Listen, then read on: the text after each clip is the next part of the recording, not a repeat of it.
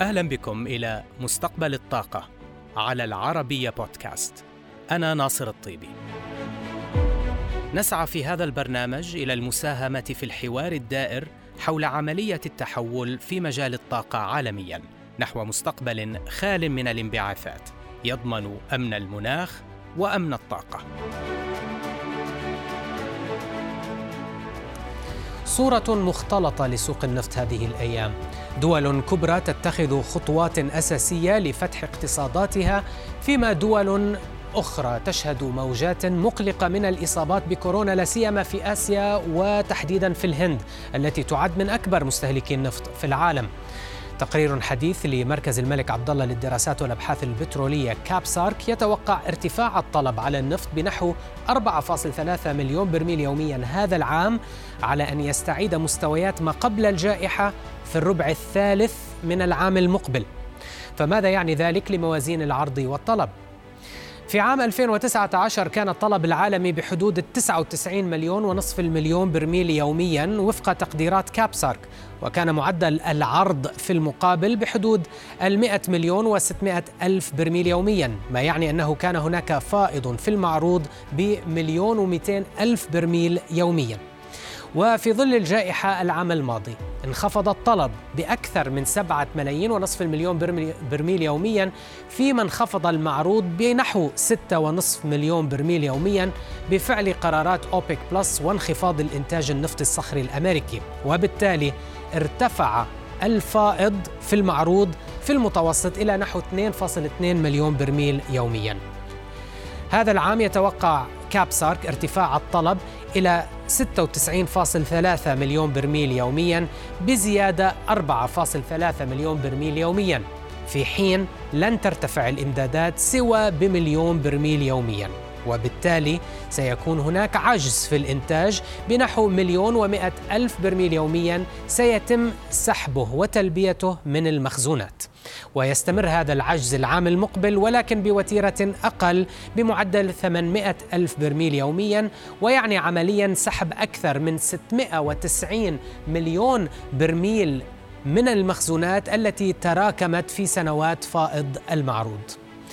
هذا السيناريو يفترض نموا منضبطا للمعروض على مدى العامين الحالي والمقبل ليصل إلى 98.6 مليون برميل يوميا وهو مستوى يبقى أقل بمليوني برميل يوميا عن مستويات 2019 ما قبل الجائحة. لكن ما الذي يضمن عدم زيادة المعروض بشكل أسرع إلى مستويات ما قبل الجائحة؟ علامة الاستفهام الأكبر هنا تتعلق بإيران وفنزويلا ومدى إمكانية عودتهما إلى السوق سريعا. الأمر يتوقف على احتمال رفع العقوبات الأمريكية إلا أن كابسر تتوقع ارتفاع الإمدادات الإيرانية بنحو 315 ألف برميل و335 ألف برميل في العامين الحالي والمقبل على التوالي. فيما لا تتوقع زيادة تذكر للصادرات الفنزويلية بسبب صعوبة زيادة الإنتاج هناك من دون استثمارات أجنبية كبرى. وهناك عامل آخر يؤثر بشكل كبير في توازن السوق وهو النفط الصخري الأمريكي. لكن كابسارك تتوقع انخفاض إمداداته بنحو 220 ألف برميل يوميا هذا العام على أن تردد ارتفاعا بنحو 780 ألف برميل يوميا العام المقبل. أما النفط الرملي لا سيما في كندا فمن المتوقع ارتفاع إمداداته ب 380 ألف برميل يوميا هذا العام وب 65 ألف برميل يوميا فقط العام المقبل. بالطبع كل هذه التوقعات مرهونة بتطورات جائحة كورونا فتقرير كابسارك يأخذ في الاعتبار الطفرات الجديدة للفيروس واحتمال عدم فعالية بعض اللقاحات ضد بعض تحورات الفيروس وقد يؤدي إلى موجات جديدة من الإغلاقات.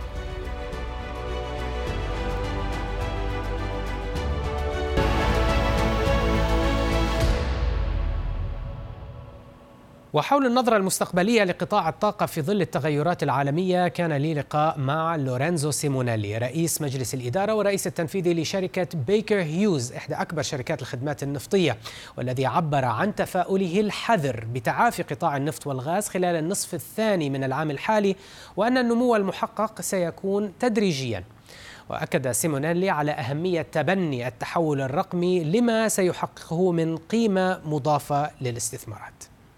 As we look at 2021, we're cautiously optimistic حينما نستشرف عام 2021 فنحن متفائلون بحذر. حيال تعاف سنشهده في النصف الثاني من هذا العام حيث ومع تسارع وتيرة التلقيح عالميا نرى تحسن الطلب وهو ما عكسه الارتفاع السعري في كل من خامي برنت وغرب تكساس.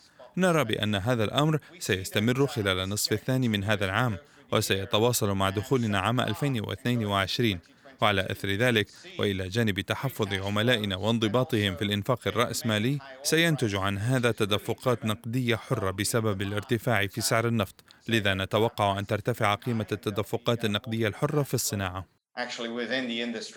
ولكن نشاط منصات الحفر لورينزو ليس بالضرورة يعكس كلفتها حيث أن نشاط منصات الحفر عالميا ارتفع بنحو 11% خلال الربع الأول من العام الحالي بحسب بياناتكم ولكن لم يترجم ذلك بعد إلى أسعار حفر أعلى بالنسبة لكم صحيح؟ بالتالي متى تتوقعون تحسنا ملحوظا في أسعار الحفر بالنسبة لبيكر هيوز؟ Uh, بالنظر إلى صناعة النفط والغاز فإنها مستمرة في تحفظها في الإنفاق الرأسمالي لذا تلك العوامل وتطوراتها ستنعكس على أسعار خدمات الحفر. بالتالي تركيزنا في بيكر هيوز من الآن فصاعدا. سينصب على الهوامش وعلى تحسين العوائد. فنحن لن نطارد الإيرادات حول العالم بل سنهتم بتميز أنفسنا من خلال تقنياتنا كما سنعمل على تحقيق هوامش وعوائد مجدية لعملائنا ومساهمينا. سنتحدث عن التكنولوجيا والتحول الرقمي لاحقا ولكن المحللون يتوقعون أن المرة هذه ستكون مغايرة بالنسبة لمنتجي النفط الصخري الأمريكي. فهم لا يتوقعون عودة الإنتاج الصخري إلى نسب النمو المرتفعة السابقة في ضوء تراجع اهتمام المستثمرين وضرورة ضبط تلك الشركات لإنفاقها. أنت لديك علاقات قوية في أحواض النفط الصخري الأمريكي ما هي استنتاجاتك حول أدائهم المتوقع على المدى المتوسط في السنوات القليلة المقبلة؟ كما قلت أنت وكما ذكرنا سابقا نحن لا نتوقع أن تشهد أمريكا الشمالية نزعة دورية متصاعدة كما في المرات السابقة حيث نرى أن هناك انضباط مالي مستمر من قبل شركات التنقيب والإنتاج المدرجة كما أن المستثمرين يطالبون المشغلين بانضباط مالي أكبر. لذا نرى أن ارتفاع عدد منصات الحفر في أمريكا الشمالية أمر مشجع. ولكننا لن نرى نفس وتيرة التعافي التي شهدناها في الدورات السابقة من التعافي. نحن نتوقع أنه خلال العامين إلى الثلاثة المقبلة سيستمر الانضباط المالي مع تحسن تدريجي في النشاط. ولكن لن يكون التحسن كبيرا أو سريعا كما في السابق. وكما تعلم فنحن على اتصال دائم مع عملائنا هناك ونلمس منهم الرغبة في المحافظة على هذا الانضباط المالي، لذا نعتقد بأن النمو سيأتي من النشاط الدولي وخاصة من الأحواض منخفضة التكلفة والتي ستشهد نموا أسرع خلال التعافي المقبل. دعنا نتكلم جغرافيا ونخطو خطوة إلى الخلف وننظر إلى الصورة العالمية بمجملها. ما هي إذن المناطق التي ستشهد تعافيا أسرع في نشاطات المنبع خلال الاثنى عشر شهرا المقبلة؟ وما هي نوع تلك المشاريع؟ هل هي مشاريع على اليابسة أم في المياه العميقة أم مشاريع الغاز المسال؟ عندما تنظر إلى المشهد الدولي وكما قلنا خلال اللقاء الهاتفي لمناقشة نتائجنا الأخيرة فنحن نرى تعافيا دوليا في النصف الثاني من العام حيث أن بعض المناطق شهدت انخفاضات حادة عام 2020 نتيجة الجائحة ففي أمريكا اللاتينية نرى تعافيا هناك. كما نرى تعافيا في روسيا في ضوء زياداتها التدريجية في إنتاجها مؤخرا إضافة إلى التعافي المرتقب في الشرق الأوسط خلال النصف الثاني من العام. أما بالنظر إلى نوع المشاريع المقبلة فبشكل قاطع الحقول على اليابسة هي التي ستشهد النمو الأعلى. أما مشاريع المياه العميقة فسيكون من الصعب العودة بها إلى عددها المسجل عام 2019 ولكن في الغاز المسال نرى نقطة مضيئة حيث قمنا مؤخرا برفع توقعاتنا لحجم القدرة التسييلية الأساسية المطلوبة عالميا بحلول عام 2030 من 650 مليون طن سابقا إلى ما بين 700 إلى 800 مليون طن. وهذا يأتي في ضوء الطلب الكبير القادم من جنوب شرق آسيا ودول نامية أخرى. لذا سيكون هناك تقدم متواصل في عملياتنا الدولية في النصف الثاني من العام وبشكل أقوى مع بداية 2022 لنتحدث أكثر عن نشاطات النفط والغاز في منطقة الشرق الأوسط وتحديدا منذ مطلع هذا العام. إلى جانب توقعاتك لها على المدى القصير والمتوسط. بالنظر إلى الشرق الأوسط فلقد لمسنا زخما إيجابيا في تعافي نشاط الخدمات النفطية ولكن هذا يأتي من مستوى أساس منخفض تم تسجيله العام الماضي. نتوقع تعافيا أقوى في النصف الثاني وخلال العام المقبل، فحينما تنظر إلى الأحواض ذات الكلفة المنخفضة إلى جانب تنافسية المنطقة، نرى أن الشرق الأوسط قادر على الاستفادة من تعافي الطلب العالمي من خلال زيادة الإنتاج في النصف الثاني من العام. ونحن على تواصل مع عملائنا هناك وقد بدأنا معهم الحديث فعلا عن زيادات مخطط لها في الإنتاج في النصف الثاني من العام. قيمة العقود التي تم ترسيتها على قطاع خدمات النفط والغاز في عام 2020 كانت الأدنى منذ عام 2004 بحسب إحدى الإحصاءات. الصناعة أصبحت أكثر صعوبة بلا شك. بالتالي ما أهمية التحول الرقمي بالنسبة لكم على صعيد خلق القيمة؟ وكيف قمتم بتطبيقه لتمييز أنفسكم عن منافسيكم؟ Digital transformation is a key theme that's going to continue to evolve and التحول الرقمي سمة أساسية ستستمر في التطور، وهي بالحقيقة عبارة عن تفعيل الكفاءة والإنتاجية في جميع عملياتنا، حيث نقوم بتطبيق ذلك داخليا وفي قدراتنا وكذلك في عملياتنا وخدماتنا المقدمة لعملائنا. ومن الأمثلة على ذلك تلك الجهود التي نبذلها في هذا المجال وهي العمليات عن بعد التي تمكننا من حفر الآبار من خلال موقع مركزي واحد كما لدينا شراكة مع C3.ai في مجال الذكاء الاصطناعي والتي من شأنها تخفيض الوقت المهدور غير المنتج. فالتحول الرقمي فرصة مهمة بالنسبة لنا لإدخال التقنيات الحديثة ووقف أي هدر في عملياتنا اليومية وهو ما يشكل جانبا مهما من استثماراتنا الكبيرة في هذا المجال. حيث استطعنا أن نبني قدرات جيدة في مجالات عديدة مثل مراقبة حالة الآلات الهامة والحساسة بشكل فوري إلى جانب التحكم عن بعد في العمليات إضافة إلى الذكاء الاصطناعي. وهذه نزعة سنستمر بها وسنرى تبنيها بشكل أوسع عالميا. يبدو أن عام 2021 ستكون السنة التي ستشهد مبادرات مناخية أكثر صرامة من ذي قبل. هذا سيسرع بلا شك من النقلة في قطاع الطاقة. هل قامت بيكر هيوز بإعداد برنامج عمل لكيفية تحويل هذه النقلة إلى أعمال جديدة؟ والأهم من ذلك إلى أعمال مربحة. بكل تأكيد وكما قلت أنت هي سمة متنامية. وما حدث عام 2020 رفع هذا الموضوع إلى الواجهة في الحوارات المجتمعية حول العالم. نحن في بيكر هيوز. بدأنا عام 2019 بالنظر إلى أنفسنا كشركة لتقنيات الطاقة. وقمنا آنذاك بالتعهد بخفض انبعاثاتنا بنحو النصف بحلول عام 2030 وتعهدنا بالوصول إلى صافي صفر بحلول عام 2050 ومقاربتنا لهذا الموضوع تستند إلى ثلاثة محاور. الأول هو استهداف زيادة كفاءتنا في كل ما نقوم به اليوم عبر تبني التحول الرقمي من خلال استخدام أوسع لأجهزة الاستشعار وقياس القدرات حيث وجدت دراسة لوكالة الطاقة الدولية أنه بالإمكان خفض البصمة الكربونية وانبعاثات الغازات الدفيئة باستخدام التقنيات المتوفرة اليوم بواقع 37%. المحور الثاني هو استمرارنا بالاستثمار في أمور جديدة مثل استخدام المواد غير المعدنية والتي تساعد كثيرا على خفض الكلفة عبر تقليل استخدام الصلب إضافة إلى منع التآكل هذا إلى جانب الاستثمار في الكيماويات في المداخن لتقليص انبعاثات الغازات الدفيئة أما المحور الثالث فهو الاستثمار في الآفاق الصاعدة مثل احتجاز الكربون وتخزينه ومثل الهيدروجين ومثل الاستثمار في التحول من الفحم إلى الغاز الأكثر صداقة للبيئة. هذه كلها أسواق جديدة نتوقع لها أن تتطور وتنمو.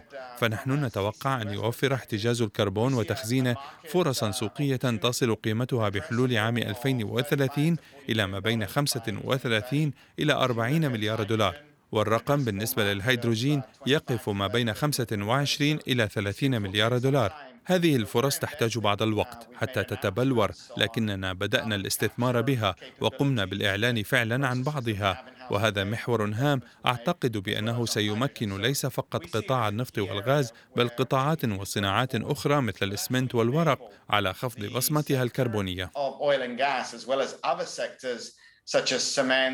Uh, pulp and paper, uh, really to reduce their carbon footprint. أصدرت وكالة الطاقة الدولية تقريرها المنتظر حول خارطة طريق للعالم للوصول بانبعاثاته إلى صافي صفر بحلول عام 2050 وهو ما يحتاجه العالم لتحقيقه لإبقاء ارتفاع درجة حرارة كوكب الأرض دون الدرجتين مئويتين بحلول تلك السنة حيث أكدت الوكالة أن فرصة تحقيق هذا الهدف تضيق لكنها ما زالت قائمة إذا ما تحركت الحكومات بسرعة الآن. الوكالة تشير إلى أن الوصول إلى هذا الهدف سيتطلب بالضرورة تحقيق صافي صفر في قطاع إنتاج الكهرباء بحلول عام 2040 حيث أن انبعاثات قطاع الكهرباء يجب أن تنخفض بوتيرة أسرع لتعطي مساحة أكبر للقطاعات الأخرى التي يصعب خفض انبعاثاتها والتي ستحتاج لوقت أطول للخفض. لذا تتوقع الوكالة أن تكون الطاقات النظيفة هي المصدر الأساس للطاقة بحلول عام 2050 حيث ستشكل الطاقات المتجددة نحو 90% من مصادر إنتاج الكهرباء. وستتصدر الطاقة الشمسية جميع مصادر الطاقة الأخرى عام 2050 وتتوقع الوكالة أن يتم استخدام 20% من إنتاج الكهرباء من الطاقات المتجددة في إنتاج الهيدروجين الأخضر. هذا كله سيتطلب استثمارات هائلة. يجب أن ترتفع إلى 4 تريليون دولار سنويا بحلول عام 2030 من نحو تريليون وربع تريليون أنفقت في السنوات الخمس الماضية مجتمعة.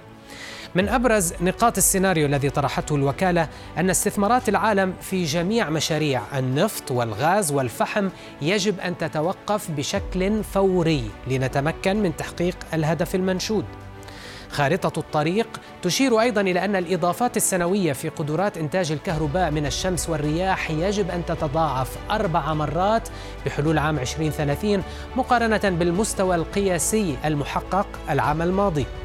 هذا بالتزامن مع مضاعفة تحسن كفاءة الطاقة ثلاث مرات مقارنة بمعدلها في العقدين الأخيرين.